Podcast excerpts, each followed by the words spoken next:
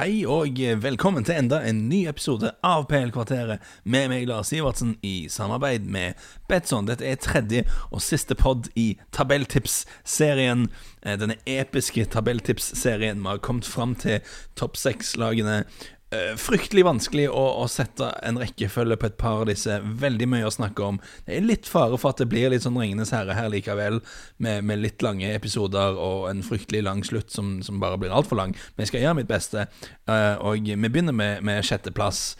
Uh, og ja, dette, dette, kan jo fort bli litt upopulært, men OK, la oss um, La oss ta dette. Jeg, jeg, er som jeg antar at de fleste av dere har fått med dere, eh, Tottenham-supporter fra, fra barndommen av. Jeg er ikke helt sikker på hvordan det ble sånn. Jeg tror, jeg tror det er Erik Thorstedts feil eh, på en eller annen måte. Eh, det, det, det, er noen i England da som jobber med fotball i media og sånn, som, som velger å, å, å, holde det veldig tett til brystet, da, hvem de heier på, fordi at det blir, blir utrolig mye mas i, i, sosiale medier og sånn på at eh, alle ser alle er opp jeg tror det, folk er partiske og sånne ting eh, når man mener ting i den ene eller andre retningen. Så jeg, jeg, valgte ganske tidlig å være åpen om det, egentlig, fordi jeg føler meg såpass trygg eh, på at jeg ikke blir påvirka av det i, i, i, mitt arbeid, da. Eh, enten den ene eller andre retningen. Og jeg, jeg, jeg, tror faktisk det er større sjanse for at jeg går den andre veien, eh, når det gjelder spesielt Arsenal. At jeg, jeg mistenker at jeg faktisk eh, strekker meg veldig langt da, for å alltid la tvilen komme Arsenal litt til gode. For at jeg er redd for å, for å ubevisst være, være anti-Arsenal på en eller annen måte. Jeg, tror ikke jeg gjør det. Send, send melding hvis du har seriøse eh, innspill til, til Arsenal-relaterte ting fra, fra, min, fra min kant. Men jeg sier alt dette, for at det, sitter langt inne for meg, men jeg ender med å sette Arsenal på sjetteplass. Uh, og jeg aksepterer at jeg går litt imot tidsånden. Uh, Arsenal vant noen, uh, noen tøffe kamper uh, mot slutten av sesongen, og de så bra ut i Community Shield, og Arteta virker bra, og Aubameyang er der og er flink, og, og så videre. Men here's the thing. I, i, I mitt hode så er det litt mange usikkerhetsmomenter i stallen her, da eh, sammenligna med de andre topp seks-lagene. Og jeg vil på en måte gå litt tilbake på ting jeg har sagt før om Arsenal, spesielt før forrige sesong, der jeg hadde litt for mye tro på dem. Eh, men det er en del ting jeg har vist har, kan være jeg tok feil om, og som jeg har blitt mer skeptisk til etter hvert. Men vi skal gå litt gjennom det her. Jeg skal prøve å forklare meg hvorfor jeg er så skeptisk til Arsenal nå.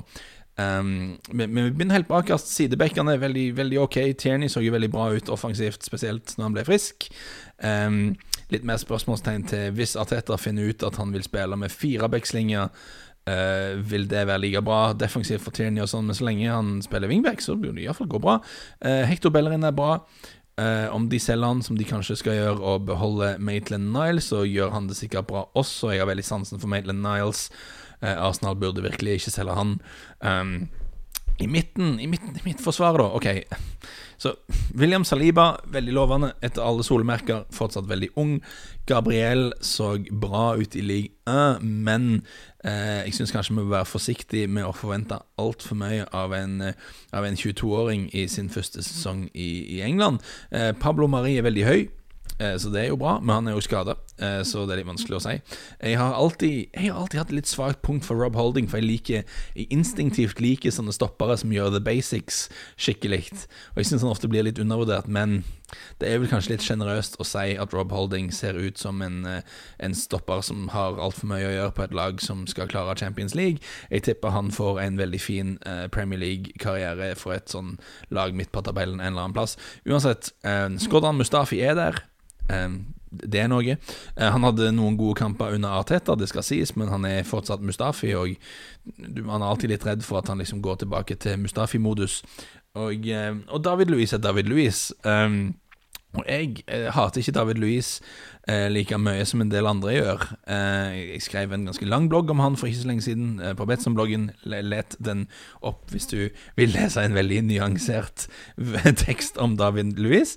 Eh, men det vi har sett gjennom karrieren hans, da, er at hvis han har folk rundt seg som kan rydde opp, eh, så går det bra. Men problemet i Arsenal er at han har blitt bedt om å liksom være syvende far i huset, og at det er han som skal rydde opp etter de andre, eh, og det har ikke gått bra.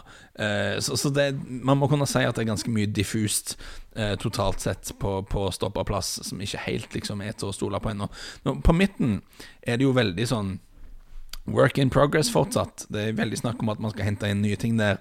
Uh, Arteta liker, liker ikke Lucas Torreira. Uh, Guendouzi ble jo frosset ut, men det ser ut som de sliter med å få solgt han, så det kan være han blir invitert tilbake i varmen. Uh, Ceballos Jeg skal ikke gjøre det sånn uttalemessig. Ceballos uh, kom tilbake. Det var viktig. Han så bra ut etter Arteta tok over. Uh, Granit Xhaka har også fått vist under Arteta da, at han er bedre enn mange av haters, de som har, de som ikke liker Sjaka, som, som ville ha han ut av klubben og alt dette her. Han har litt fotball i seg, Sjaka, men men er vel, jeg er vel heller ikke solgt på om han er god nok for å være liksom en sånn midtbanesjef for en klubb som skal opp, i, opp og kjempe om Champions League, og kanskje til og med kjempe om, om seriegull. Så det kan være de henter noe bra på midten, og at det endrer regnestykket veldig, men, men foreløpig så, så, har de jo ikke gjort det. Så, så vi får se. Eh, Framover Eh, William bør bli et bra tilskudd på kort sikt. Han jobber veldig hardt. Arteta vil nok at laget skal presse og stå høyere i banen, tror jeg. Da er det viktig å ha offensive spillere som, som tar den første forsvarerjobben. Eh, det vil jeg tro at William gjøre med stor entusiasme. Jeg, jeg hadde hatt lyst til å se de virkelig satse på, eh, på Kayosaka som, som høyrekant, f.eks. Eh, vi får se hvor han ender opp. Eh, Problemet på topp har jo vært veldig lenge at du har Aubameyang og Lacassette, som, som, som begge er to av de beste spissene, egentlig, i, i, i, i Premier League. Jeg syns de er kjempegode begge to. og To av de beste spillerne til Arsenal, full stopp. Men, eh, men, de vil jo helst spille i samme posisjon, og det har jo vært et problem veldig lenge.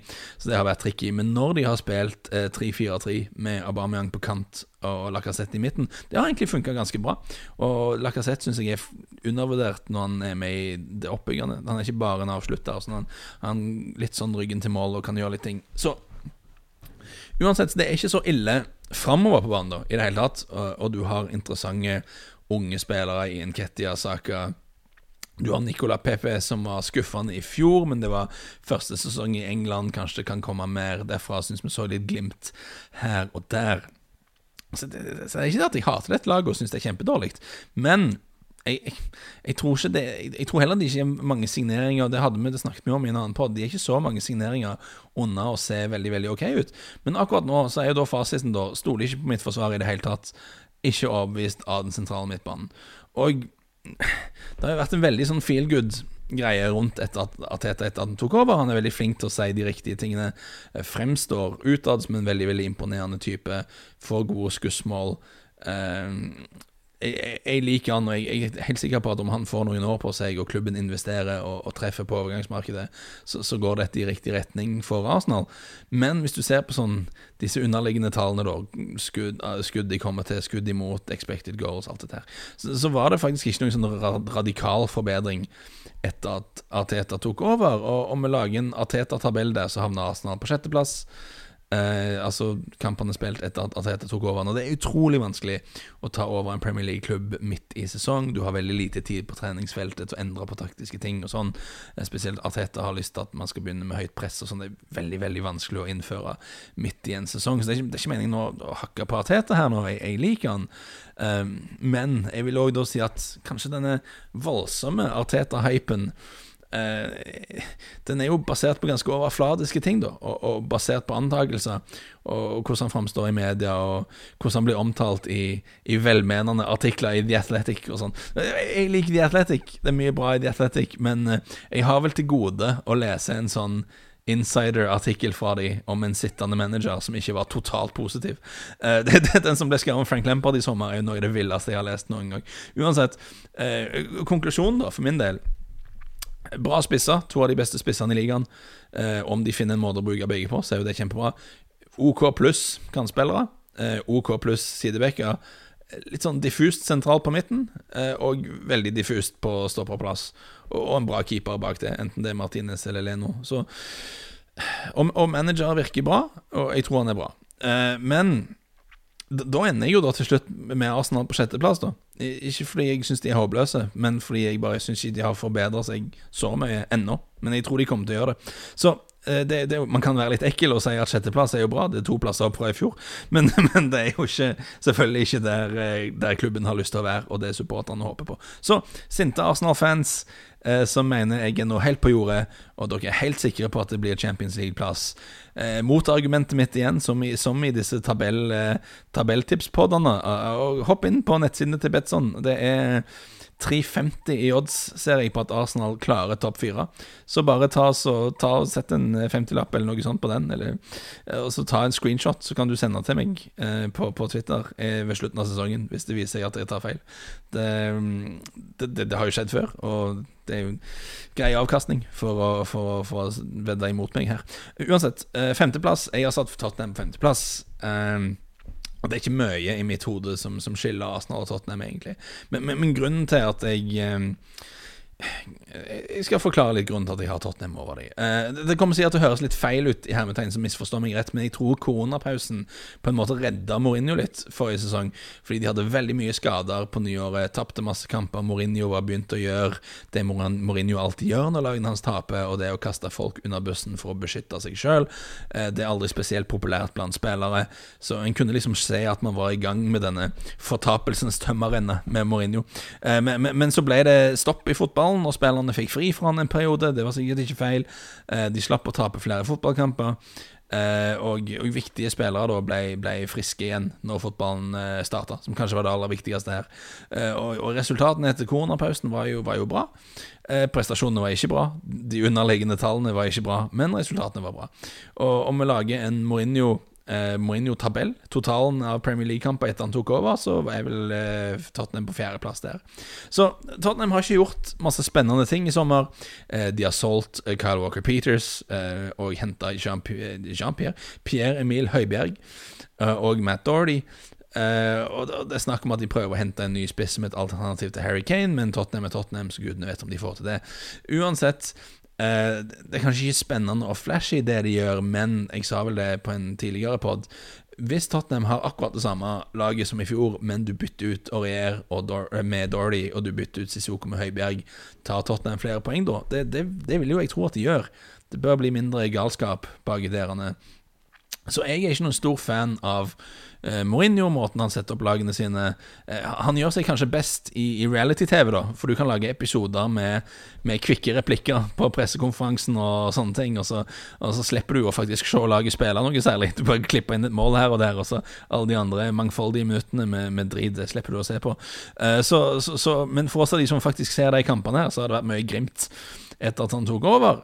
Men eh, dersom du får eh, en mer normal sesong, da, med færre skader, du får en full sesong eller noe tilnærmet det fra Kane, fra Son, fra Dele Alli, Lo Celso så begynte å se bra ut, eh, og du har et midtbaneanker med spilleforståelse i, i Høibjerg jeg tror det kan bli helt ok.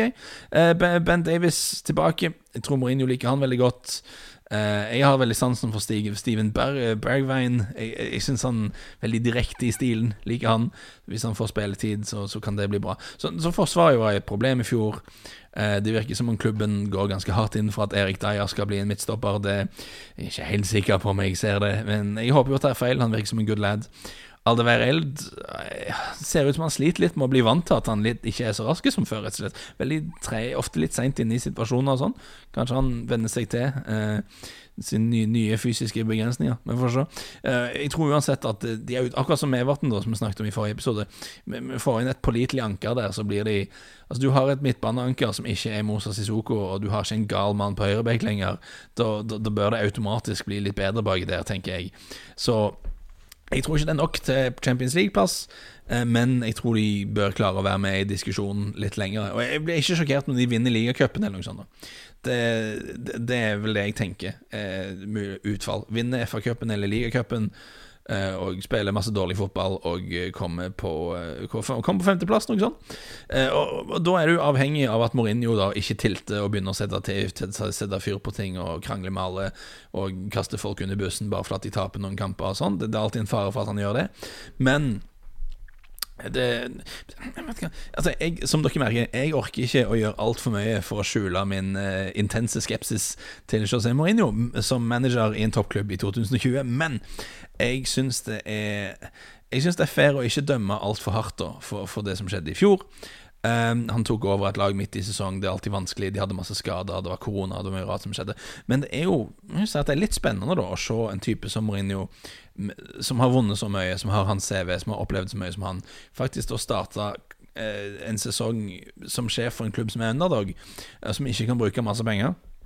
Du har sett en manager med hans eh, renommé og hans historikk i en veldig uvant situasjon. Så det, det er jo spennende, da, fra en kuriositets... Eh, situasjonen og se hvordan han håndterer det, og hva han kan utrette. Fare for at det ikke blir så spennende å se selve kampene, men det kan bli spennende å se hvordan det går sånn generelt. På fjerdeplass har jeg satt Manchester United.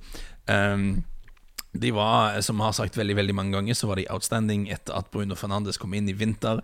Hadde et snitt på, jeg regna dette ut, 2,28 poeng per kamp. Over en hel sesong gir det 86 poeng Uh, av og til nok til å vinne serien, av og til ikke. Men det er uansett nok til å være med i kampen. Det jeg vil da si, er at synes de hadde mye flyt i den perioden. Og når vi sier flyt, det er jo litt sånn diffust ord, som kanskje er en blanding av dyktighet og, og selvtillit og flaks og litt sånn. De var, de var veldig effektive. Uh, fikk veldig mange straffespark. Uh, jeg syns fortsatt vi ser at Altså, de er gode i kamper der enkeltspillerne er gode. Uh, og dersom Bruno Fernandes har en dårlig kamp, så sliter United plutselig med, med å skape ting. Og på, på, en måte så er det litt sånn oh, Captain Obvious. Hvis playmakeren din har en dårlig kamp, så skaper du mindre sjanser. Det, men ideelt sett så skal man ha et system, da. Uh, så hvis en individuell spiller sliter, så kan du ta han ut, og så skal systemet fortsatt fungere. Altså Kevin De Bruyne er utrolig viktig for Manchester City, men de tok faktisk 98 poeng i en sesong der han var skada nesten hele sesongen. Eller tre, ja, to, tre, tre, tre fjerdedeler, noe sånt. Uansett. Så United var veldig ok defensiv i fjor. Uh, det, det, er spesielt. Folk klager utrolig mye på United-forsvaret. Han er ubrukelig, og han der er ikke noe bra. Men ok, Manchester City slapp inn ett mål færre. Liverpool slapp inn tre mål færre, og ingen andre slapp inn færre. Så de var jo bra. Og det var selv med et par ganske håpløse sånne keepertabber fra det her. Så, så, så defensivt så, så, var det ok. Og, og, de underliggende tallene støtter det ganske greit. Og det var bare fire lag som hadde færre skudd imot. Men, eh, men, United har en større andel skudd imot fra utenfor boksen, da, for at de forsvarer seg som regel ganske dypt. Så, så, det er en del folk som bare blir lei og bare fyrer av langskudd. Så expected goals eh, imot der var det tre lag som var lavere enn United, så defensivt var det ok. Så, så min følelse med United er at um, de var ikke egentlig så gode offensivt som mange vil ha det til. Jeg syns de er veldig effektive, uh, men skapte ikke så mye, egentlig. Um, fortsatt litt mer avhengig av individuelle prestasjoner enn samspill, uh, og det er alltid litt mer sårbart, da, tenker jeg.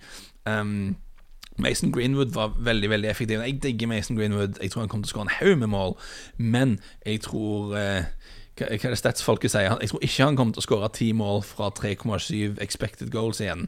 Det, det, er det bare ingen som gjør eh, gang på gang over tid. Det, det er ikke bærekraftig å, å, å treffe så, så godt. Så, men jeg tror fortsatt han vil skåre mål, må bare være litt sånn begrenset Skru ned forventningene litt der, kanskje. Jeg, jeg, tror heller ikke det er bærekraftig å få så mange straffer. Det, altså, jeg ser mange sier ja, ja, United uh, fikk mange straffer fordi de var veldig offensive og kom inn i boksen veldig ofte. Ja, ok, jeg sjekket opp dette her. Eh, United hadde 990 ballberøringer i motstanderens boks i fjor. De fikk 14 straffer. Manchester City hadde 1629 ballberøringer i boksen, altså nesten dobbelt så mange, fikk 11 straffer. Altså, det, er det, det, er jo ikke det, at de er i boksen hele veien. Det, det, stemmer jo ikke. Leicester City hadde flere ballberøringer i boksen motstanders boks enn United. Fikk syv straffer. Flere berøringer i boksen, halvparten så mange straffer. Så, så det, er ikke, det, er ikke, noen sånn sammenheng der, tror jeg. Um, jeg tror heller ikke, men det må jeg si, jeg tror ikke det er noe sånn konspirasjon eller dommerfusk eller noe sånt. Jeg, jeg tror heller ikke United-spillerne er unikt gode til å legge seg, for vi snakker om Leicester. De har Jamie Vardy, som ikke akkurat holder seg på beina, han heller. Så jeg, jeg, jeg, tror det er litt tilfeldigheter. Og jeg tror ikke United nødvendigvis kan belage seg på å få 14 straffer igjen. Det stemmer at de fikk 12 sesongen før, sånn at det har, det har skjedd to sesonger på rad nå at United får alle disse straffene. Men sesongen før det fikk de tre straffer. Så Palace, for eksempel, for i fjor elleve straffer, og vi tenkte at ja, ja, selvfølgelig, de har Saha som kommer i boksen og blir felt og får straffe hele veien. Men, men, Saha var der i fjor igjen, og Palace fikk tre, fikk tre straffespark. Eh, med omtrent det samme antall ballberøringer i, i boksen. Så jeg, jeg, tror det er mye mer tilfeldigheter enn en sånn direkte korrelasjon, og det er litt sånn litt random hvor mange straffer du får. Eh, hjelper selvfølgelig å være i boksen en del, men det er ikke noen automatikk. Eh, Newcastle, selvfølgelig, minst ballberøringer i boksen i fjor ingen straffer. Så det, så det er jo visst logisk. Uansett. Jeg, jeg, jeg vet at det funker bra utover våren, eh, men jeg er liksom ikke Jeg er ikke megafan heller av den greia når du har Rashford, Martial og Greenwood sammen framme. Du har tre spillere der som alle er spissa, egentlig. Eh, bare to av de blitt flytta ut på kant. Jeg hadde likt balansen der litt bedre hvis du bytta ut en av de med en litt mer klassisk sånn skapende kantspiller. Kan vi, helt hypotetisk kalle han for Jaden Sancho, kanskje? Det er et navn som kan, som kan passe. Men vi, får se hvem som ender opp med å skje der. I mellomtiden så liker jeg at de henter Donny van der Beek. Eh, ingen åpenbar plass i førsteelveren. Jeg, tror jeg tror han Pogba og Fernandes, og så ingen defensiv midtbanespiller der. Det blir litt hissig, eh, selv om van de Beek har spilt i en eh, dyp midtbanerolle for Ajax. Men det, hvis du bruker han der, så kan han uansett ikke gå på sånn offensive løp som han liker å gjøre, så jeg syns det blir litt sånn negativt. Men det betyr at de har alternativer, og i en komprimert sesong der det skal spilles veldig mye fotball, så, så, blir det garantert en del skader, så det er viktig. United definitivt et bedre sted nå eh, enn de var mot slutten under Mourinho. Da var det helt katastrofe. Men eh, selv om det har gått litt opp og ned under Solskjær, så sitter vi jo her nå og tenker at konklusjonen må være at det har vært sånn gradvis framskritt. Og, og, og min følelse før sesongen Eh, når vi ser på forsterkningene Chelsea har gjort, når vi ser at det var 33 poeng opp til Liverpool og 15 poeng opp til City i fjor Ingen av de ser ut til å kollapse, sånn som jeg ser det. Da, da ender jeg opp med å sette United på fjerdeplass. Altså. Og, ok jeg har da Chelsea på, på tredjeplass, og selvfølgelig er det litt uh, usikkerhet, fordi at de har, det er litt basert på ting de har gjort på overgangsmarkedet. Uh, og jeg syns de ser megaspennende ut, de kjøpene de har gjort. Uh, men som vi, som vi, vet, så er det en litt upresis vitenskap, dette her. Men, men, la oss se litt på disse spillerne. Hakim Ziyech, utrolig kul som playmaker-type, offensiv midtbane, har spilt en del ute, ute på kanten de siste årene. Veldig morsom spiller, prøver på vanskelige ting. teknisk veldig bra. Um, har skåret mye, både, både skåret mye mål og hatt mye mål når, når tall fra offensive spillere som spiller for de store lagene i Holland, det syns jeg alltid du bør ta med en klype salt. Men med Ziyech så har han jo òg levert i Champions League, liker han kjempegodt. Mars, kan ikke gjenta for mange ganger at dette er en artig spiller å se på. Kan være han vil trenge, trenge litt tid til å venne seg til Premier League. Det hadde ikke sjokkert meg, men potensielt sett og en utrolig morsom spiller. Kai Havertz har vi snakket om i detalj på poden. Kjempefan av han. Potensialet virker nesten helt ubegrensa. Eh, sjekk ut episode 93 av denne podkasten for mer om Kai Havertz. Skal ikke ta det nå, lang episode allerede. Timo Werner. Veldig, veldig bra spiss. Eh, direkte, løper mye, jobber knallhardt, god avslutter. Eh, vant til å spille sammen med en spissmakker i Leipzig. Eh, pleide ofte å starte sånn typisk, typisk sånn Timo Werner-mål. Starte litt ute til venstre, Jeg kommer på et sånn diagonalt løp inn i bakgrunnen. Eh, inn i bakgrunnen, inn i bakrom. Men det de har jobba med i Leipzig da en del denne sesongen, var at han skulle bli flinkere på små flater og være litt mer med i det oppbyggende spillet. Jeg har skåret 28 mål på 33 kamper for Leipzig denne sesongen. Det er ganske heftig. Eh, og i Chelsea så ender han nok fort opp med å spille spiss da alene i den der klassiske 4-2-3-1 eller 4-3-3. Det er han ikke helt vant til, men det er òg veldig veldig lett å se for seg hva jeg har vært liksom jaga, gjen, jaga gjennomspillspasninger fra Havertz og Siech eller, eller Pulisic eller hvem det nå blir som spiller. Så det, det, tror jeg skal funke bra. altså Og så har man da eh, Giroud i bakhånd der, hvis Werner sliter litt med med å levere som ensom spiss, og du skal spille med to. Kjøre inn på Giroud som en slags, eh, som en slags eh, sexy fransk versjon av Yusuf Paulsen.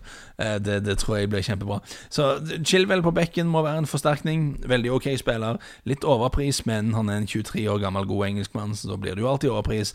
Vi har snakket om Tiago Silva eh, tidligere pod. I tillegg så har de da henta det, det, er jo det er ikke gått gjennom. Det ryktes veldig at de er i ferd med å hente et alternativ til Kepa i form av Eduard Mendy fra Renn. Eh, et hvilket som helst alternativ til Kepa ville jo vært eh, bra. Så det er synd at Chelsea nå, etter en hel sesong der jeg føler vi har snakket om de unge spillerne eh, mest av hele veien, at de nå skviser ut eh, de fleste av de, egentlig, ved å gjøre sånne store signeringer. Men samtidig er da Chelsea de er ambisiøse, de kan bruke penger. Eh, vi har snakket om hvordan det funker i en tidligere pod. Eh, og om du har muligheten til å gjøre det, så er det jo en viss logikk da, i å investere mens markedet er usikkert. I en, uh, I en normalsommer så går sikkert Timo Werner til Liverpool og Havertz til Real Madrid eller noe sånt. Men, men, nå har det ikke vært en normal sommer, og da har Everton da tatt, uh, tatt den sjansen uh, mens de hadde den. Så jeg har store forventninger til disse nysigneringene. Og når du vet at du har et lag i bakhånd der som var bra nok til å klare Champions League-plass i fjor, og du, du, får så mange spennende nye alternativer, uh, og, og, du har òg da, da, reserveløsninger hvis noen av de nye signeringene bruker litt tid på å venne seg til livet i England, og sånn, så, så, har du noe å falle tilbake på. Så det, det ser utrolig lovende ut.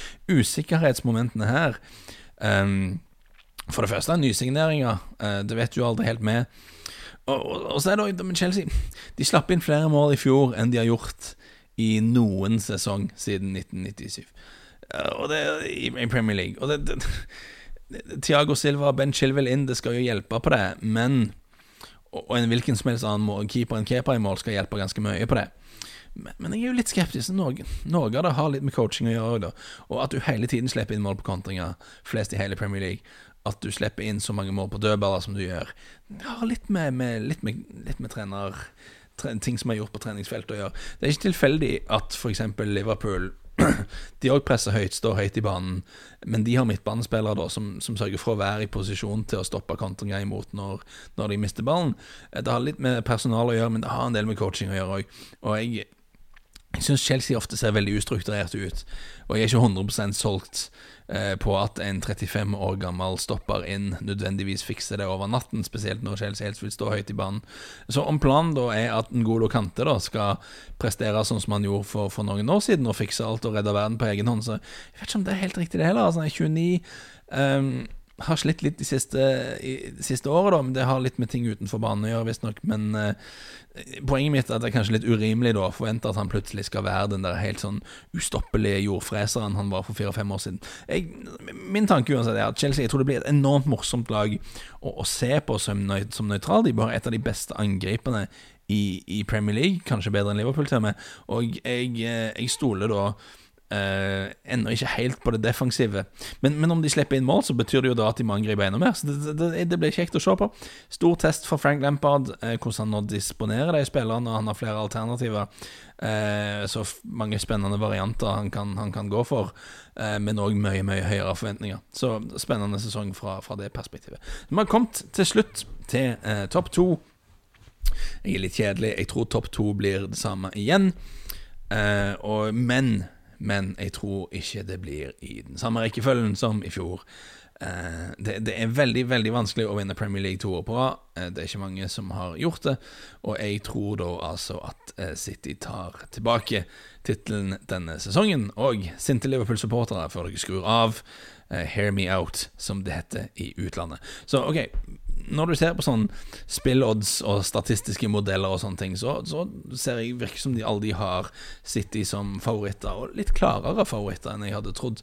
Og, og, det tror jeg er fordi at Citys underliggende tall fra i fjor, sånn expected goals og sånne ting, eh, viser at for det første at de burde vært mye nærmere Liverpool enn det de var. Men du har faktisk òg modeller som, som, mener at City burde ha vunnet serien i fjor, egentlig. Når jeg tror de modellene lyver litt, eh, blant annet fordi City har en tendens til å fortsette å peise på og skåre skåre mål, eh, selv om de leder 2 og 3-0. City vant ti kamper i fjor med fire mål eller mer, eh, mens eh, Liverpool bare vant tre kamper med så stor margin. 14 av Liverpools seire var ettmålsseire, mens kun seks av City sine seire var det. Så jeg tror det er sånne ting som lurer, lurer algoritmene litt.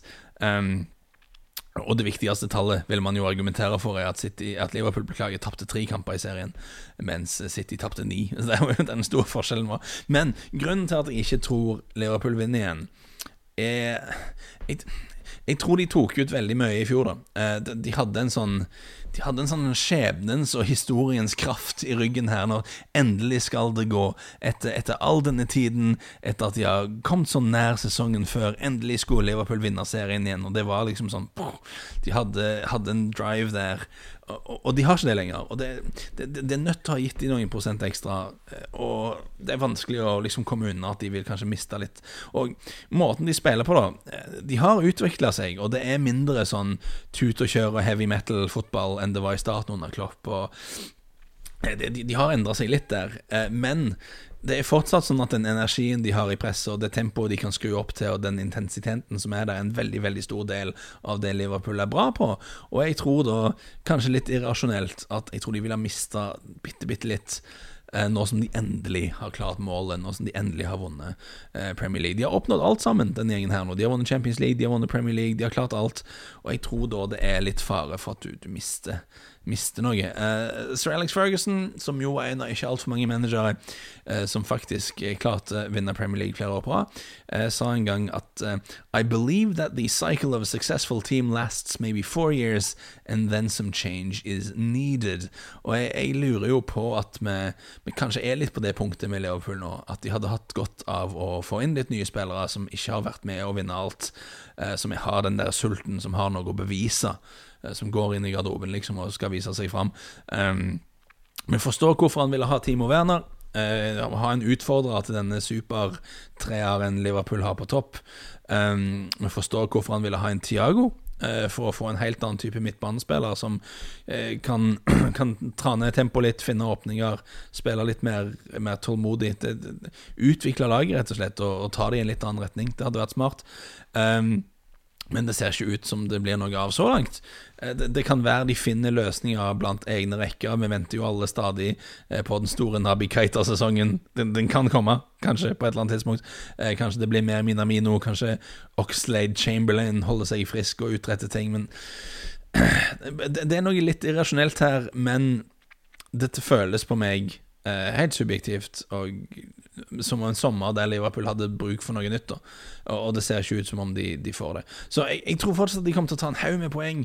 Jeg tror fortsatt at de kommer til å kjempe i toppen. Um, og i mitt hode igjen, det er veldig tett mellom City og, og Liverpool. Men jeg, jeg, jeg tipper det vil vippe litt i den andre, andre retningen. Og det, det første som du må si om City, da, er at eh, det, det finnes en teori om at Guardiola har blitt gjennomskua. At alle tapene forrige sesong kom fordi lag nå har funnet ut hvordan man spiller mot City, og nå, nå er det enkelt. Um, og det virker tydelig da at de var mer sårbare mot kontringer imot i fjor enn det de har vært før. Um, det er litt rart for Guardiola. Det er ikke noen nyheter for han at kontringer er en trussel mot måten han spiller på. Spilte han var i Bayern, så var han helt obsessed, og det med å stoppe kontringer det var det noe av det han fokuserte mest på. Men uh, det var åpenbart et problem for City i fjor. Jeg personlig tror det handler mer om spillermateriale enn system. Eh, Rodri har tatt over etter Fernandinho sin posisjon på midten der. Eh, og det er ofte den spilleren, da, den dype midtbanespilleren, som må stoppe overganger imot. Eh, Rodri hadde færre taklinger, lagde færre frispark og hadde kun halvparten så mange interceptions som Fernandinho. Da det er en posisjon på banen der det er litt vanskelig å kvantifisere ting, for det handler mye om posisjonering og om å lese spill og sånn. Men igjen, hvis du har færre taklinger, lager færre frispark og har halvparten så mange interceptions, da har du sannsynligvis ikke vært like effektiv som eh, forgjengeren. Så, så det er et problem som City egentlig ikke har løst ennå, annet enn at Rodri har hatt et år på seg til å bli bedre og, og lære rollen og lære systemet. Eh, men de har henta en midtstopper i Nathan Aki. De henter sannsynlig én til, så da vil det da bli mulighet til å flytte Fernandinho tilbake til midtbanen eh, dersom Rodri fortsetter å slite der. Eh, Fernandinho er 35, kanskje ikke like kvikk, men det er en mulighet. Eller så, ok, David Silva har gitt seg. Eh, sannsynligvis mer spilletid på Phil Foden, som jo har sett kjempelovende ut. At man ikke overtalte Leroy Sane til å bli værende, er selvfølgelig negativt. Jeg kan se for meg at han irriterte Guardiola noe vanvittig, men han ga de da et innslag av, av anarki i angrepet som jeg tror City vil savne veldig. Um, Ferran Torres virker som en veldig lovende spiller. Um, Får en mer sånn klassisk wing-type med han som liker å holde bredden, liker å gå til linjen og slå innlegg. Så han kan kanskje bryte opp mønsteret litt for City, da, som ellers har veldig mange på kant som, som, helst vil inn i banen og inn i midten. Men det er litt uvitenskapelig, da, og det er litt utypisk eh, meg og min måte å vurdere ting på. Men jeg tror ikke City vinner. Det er ikke en konklusjon jeg har kommet fram til pga. expected goals-modeller og sånne ting, for jeg tror som sagt at de modellene lyver litt. Men jeg tror vi får et iltert og hevngjerrig City-lag her. Eh, fordi de var så langt bak Liverpool. Fordi de røyk i Champions League på en skikkelig flau måte. Eh, du har et par yngre spillere nå i sånn Foden som skal være mer involvert. Torres som har kommet inn. Eh, kanskje et par andre får mer spilletid. Så, sannsynligvis skal det en ny stopper inn før overgangsvinduet stenger. Laporte er ikke langtidsskada, så du slipper dette her John Stones, Otamendi-mirakelet. Så jeg, jeg, vet at folk tror at Guardiola er litt galen, da. Han er litt galen. Um, men de har hatt en sesong der der de har tapt ni kamper, og det, det er flere kamper enn han noen gang har tapt i seriespill. Uh, jeg tror det vil få han til å gå i tenkeboksen litt, og det blir utrolig interessant å følge. Uh, Guardiola har ikke vært så lenge som dette i en klubb før. Vi vet ikke hvordan det vil slå ut. Uh, og vi har en sånn følelse at han skal gjenoppbygge sin egen konstruksjon. Det blir utrolig spennende å se hvordan det går. Og vi kan bruke dette da som et argument for at de ikke kommer til å vinne, for at det er et usikkerhetsmoment der. Og det, det, det er en helt fair vurdering av situasjonen. Det er egentlig mer usikkerhetsmomenter rundt City enn det er rundt, rundt Liverpool. Men jeg tror da at et City som må endre litt på ting, eh, som har eh, fått inn noen nye spillere, som, som virkelig, har virkelig, virkelig har noe å bevise denne sesongen jeg tror de skal kunne da ta eh, det lengste strået da, over et Liverpool-lag som, som, alle har De har nå vært på toppen sammen. Eh, de har oppnådd alt. Og de har ikke fått inn noen nye krefter da med, med friskt, eh, friske bein og friske hoder. Eh, selv om manageren helt åpenbart vil ha det. Og, jeg, jeg, jeg, tror da at det skal bli City til slutt. Uh, det, uansett, det skal bli herlig å komme inn. Og jeg gjentar mantraet mitt her, da. Hvis du er kjempeuenig i, og jeg vil tro ganske mange av dere er uenig i det. Uh, så igjen, da får dere tjene litt penger på min villfarenhet. Uh, 2,75 i odds på at Liverpool vinner serien igjen. Så, så, om du ble skikkelig sint de siste par minuttene og tenker nå, nå er jeg på tur, gå inn. Sett, uh, trenger ikke være mye, sett et eller annet sum, og ta et sånt screenshot som du kan sende til meg på Twitter på slutten av sesongen. Så kan bare Twitter-feeden min være full av uh, hva var det jeg sa-tweets fra dere lyttere. Uh, det, det, vil være det, det, det, er prisen man betaler av å lage sånne spådom-podkaster. Det, det, er ingenting som uh, Ingenting som er mer garantert å få deg til å se dum ut eh, enn å prøve å spå 20, 20 Premier League-plasseringer. For en del feil blir det alltid. Uansett, det var det. Det ble tre lange podkaster, og litt som spådd så ble det litt sånn Ringenes herre at den siste eh, ble litt lenger enn den trengte være. Men vi er nå i mål med mine tabelltips. Jeg skal oppdatere eh, versjonen som ligger på nettsidene til Betson, for jeg har jo ombestemt meg om, om et par ting. Eh, og vi skal ha en pod til før avspark på lørdag. En podkast der vi nådeløst evaluerer fjorårenes sesongspill eh, og, og skryter litt av det som var bra, og, og kommer fram til eh, hva slags sesongspill vi skal ha i år. Det blir en kul pod. Og, og dere som ikke, eh, ikke tipper, det, det, dere er òg velkomne, selvfølgelig. Det blir jo bare en pod der vi snakker om ting vi tror kommer til å skje, og ting vi ikke tror kommer til å skje. Så det er egentlig akkurat det samme som de tre siste podene. Så jeg håper dere sjekker ut den òg, håper dere koser dere noe voldsomt med seriestart. Takk for meg.